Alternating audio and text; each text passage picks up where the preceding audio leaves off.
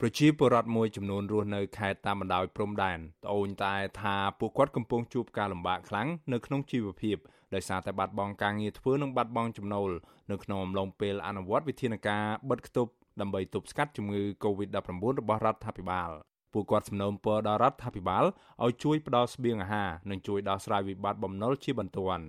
កម្មករសំណង់ម្នាក់រស់នៅខេត្តបន្ទាយមានជ័យលោកខំឡៃប្រាប់វិសុវអស៊ីស្រីនៅថ្ងៃទី2ខែសីហាថា ការរីករាលដាលនៃជំងឺ Covid-19 បណ្ដាលឲ្យលោកបាត់បង់ចំណូលស្ទើរតែទាំងស្រុងដែលធ្វើឲ្យលោកមិនអាចផ្គត់ផ្គង់ជីវភាពគ្រួសារបាននោះទេពេលនេះលោកថាលោកនិងប្រពន្ធកំពុងសម្រាប់ព្យាបាលជំងឺ Covid-19 នៅមន្ទីរពេទ្យចំណែកឯកូនរបស់លោក3នាក់ទៀតកំពុងធ្វើចតាល័យស័កនៅឯផ្ទះលោកបារម្ភពីកូនដែលធ្វើចតាល័យស័កនៅផ្ទះមិនមានអាហារហូបចុកគ្រប់គ្រាន់ដោយសារតែជីវភាពគ្រួសាររបស់លោកក្រីក្រ បុរសរូបនេះអះអាងទៀតថាលោកមិនដែលបានទទួលជំនួយជាស្បៀងអាហារនិងថវិកាពីអាជ្ញាធរដើម្បីជួយរំលែកទុក្ខលំបាកជាមួយក្រុមគ្រួសាររបស់លោកនោះទេពិបាកក្នុងជីវិតសប្ងៃបាគ្រួសារខ្ញុំសប្ងៃបារឿងការហូបចុកការខ្វះការពិបាកមែនទែនតែមិនស្មោះខាន់តែអត់ហូបគឺឃ្លានដល់ពេលឃ្លានការគ្រីម៉ូតូក៏យកទៅប្រចាំហូបឡើយប្រចាំការគ្រីម៉ូតូ100ឡានតមានលុយលុះគេផងនៅជាប់ជំងឺកូវីដ10000នៅក្នុងដុលនឹងទៀតហើយបាក់ចិត្តណាអត់មានទឹកនូចូល ស្រដៀងគ្នានេះដែរប្រជាពលរដ្ឋម្នាក់ទៀតនៅខេត្តបៃលិនលោកស្រីគង់សម្បូរប្រាប់ថាអាញាធននៅខេត្តនេះបានបិទគប់ខេត្តជាច្រើនថ្ងៃមកហើយដែលធ្វើឲ្យប៉ះពាល់ដល់មុខរបរនិងជីវភាពពលរដ្ឋក្រីក្រជាខ្លាំងខណៈដែលពួកគាត់កំពុងជំពាក់បំណុលធនាគារឬខ្លួនពំរួចក៏ប៉ុន្តែអាញាធននៅខេត្តនេះមិនអើពើចេញមុខដោះស្រាយបញ្ហាទាំងនេះនោះទេអាជីវកររូបនេះប្រាប់ឲ្យដឹងទៀតថាពលរដ្ឋបច្ចុប្បន្នរស់នៅទាំងត្រដាប់ត្រដួស លោកស្រីទទូចឲ្យអាជ្ញាធរបញ្ញាប់ផ្ដល់ស្បៀងអាហារដើម្បីឲ្យពួកគាត់ដោះស្រាយជីវភាពស្របពេលដែលរដ្ឋាភិបាលបិទគប់ខេត្តតាមបណ្ដោយព្រំដែនដើម្បីទប់ស្កាត់ការរាតត្បាតនៃជំងឺ Covid-19 ថាឲ្យគេដៃពីទឹកចិត្តពីបេះដូងឲ្យមើលឃើញឲ្យយកចិត្តទុកដាក់ប្រជាពលរដ្ឋអីដូចជាមិនមានទេប៉ុន្តែគ្រាន់តែថាជាការសំណូមពរដោយថាឲ្យគេយកចិត្តទុកដាក់មិនថាថាតាំងពីអាជ្ញាធរឬមួយក៏ថាភូមិឃុំឬមួយក៏ដល់ថ្នាក់ស្រុកថ្នាក់ខេត្តថ្នាក់ជាតិនិយាយរួមឲ្យថាកលេចមើលឃើញផងការត្អូញត្អែរបស់ប្រជាពលរដ្ឋនេះ គឺបន្ទាប់ពីរដ្ឋាភិបាលបានបិទគប់ខេត្តចំនួន8ដែលនៅជាប់ព្រំដែនប្រទេសថៃរយៈពេល14ថ្ងៃដែលគិតចាប់ពីពាក់កណ្ដាលអាត្រីថ្ងៃទី29ខែកក្កដារហូតដល់ថ្ងៃទី12ខែសីហាដើម្បីទប់ស្កាត់ការឆ្លងរាលដាលនៃវីរុស COVID-19 បំលែងខ្លួនថ្មី Delta ដែលបច្ចុប្បន្នកំពុងរាតត្បាតកាន់តែច្រើន ជាពិសេសក្នុងចំណោមពលករចំណាក់ស្រុកខ្មែរដែលទើបនឹងវិលត្រឡប់ពីប្រទេសថៃមកវិញ។ ខេត្តដែលរដ្ឋាភិបាលប្រកាសបិទគប់នោះរួមមានខេត្តបន្ទាយមានជ័យឧត្តរមានជ័យបាត់ដំបងបៃលិននិងកោះកុងជាដើម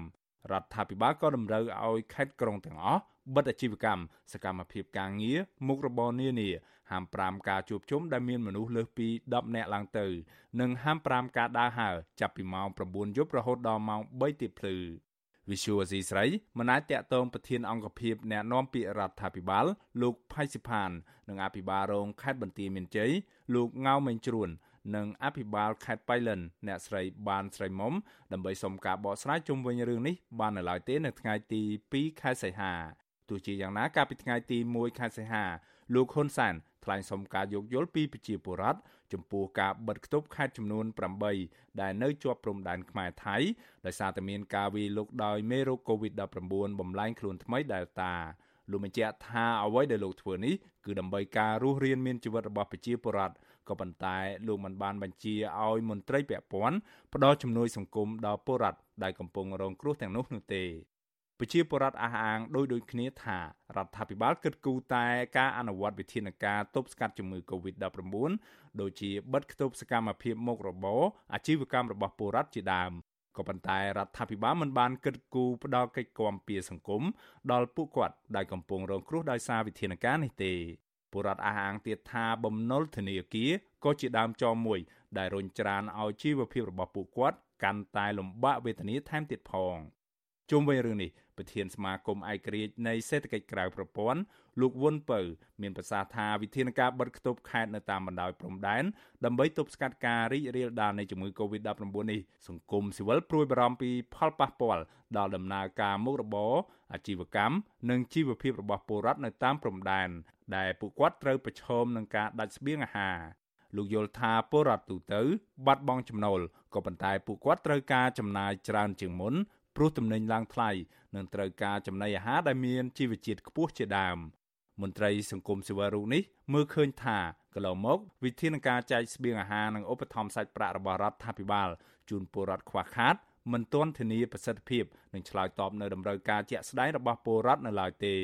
ដើម្បីដោះស្រាយបន្ទាន់ទី1គឺរដ្ឋត្រូវរៀបចំកញ្ចប់សុវត្ថិភាពស្បៀងសម្រាប់គាត់អ្នកដែលក្រីក្រ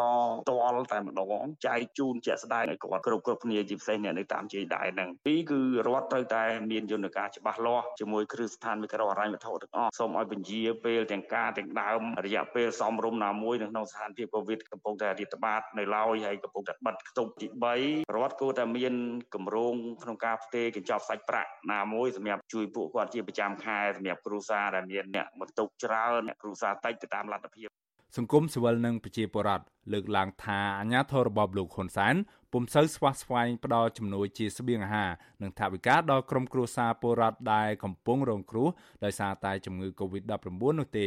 ស្របពេលដែលជីវភាពរបស់ពួកគាត់កំពុងតែយ៉ាប់យ៉ឺនពួកគាត់ស្នើឲ្យរដ្ឋាភិបាលរិះរកមធ្យោបាយដោះស្រាយបញ្ហាជីវភាពរបស់ពលរដ្ឋបន្ថែមទៀត ខ្ញុំបាទមេរិត Visual C ស្រីរាយការណ៍ពីរដ្ឋធានី Washington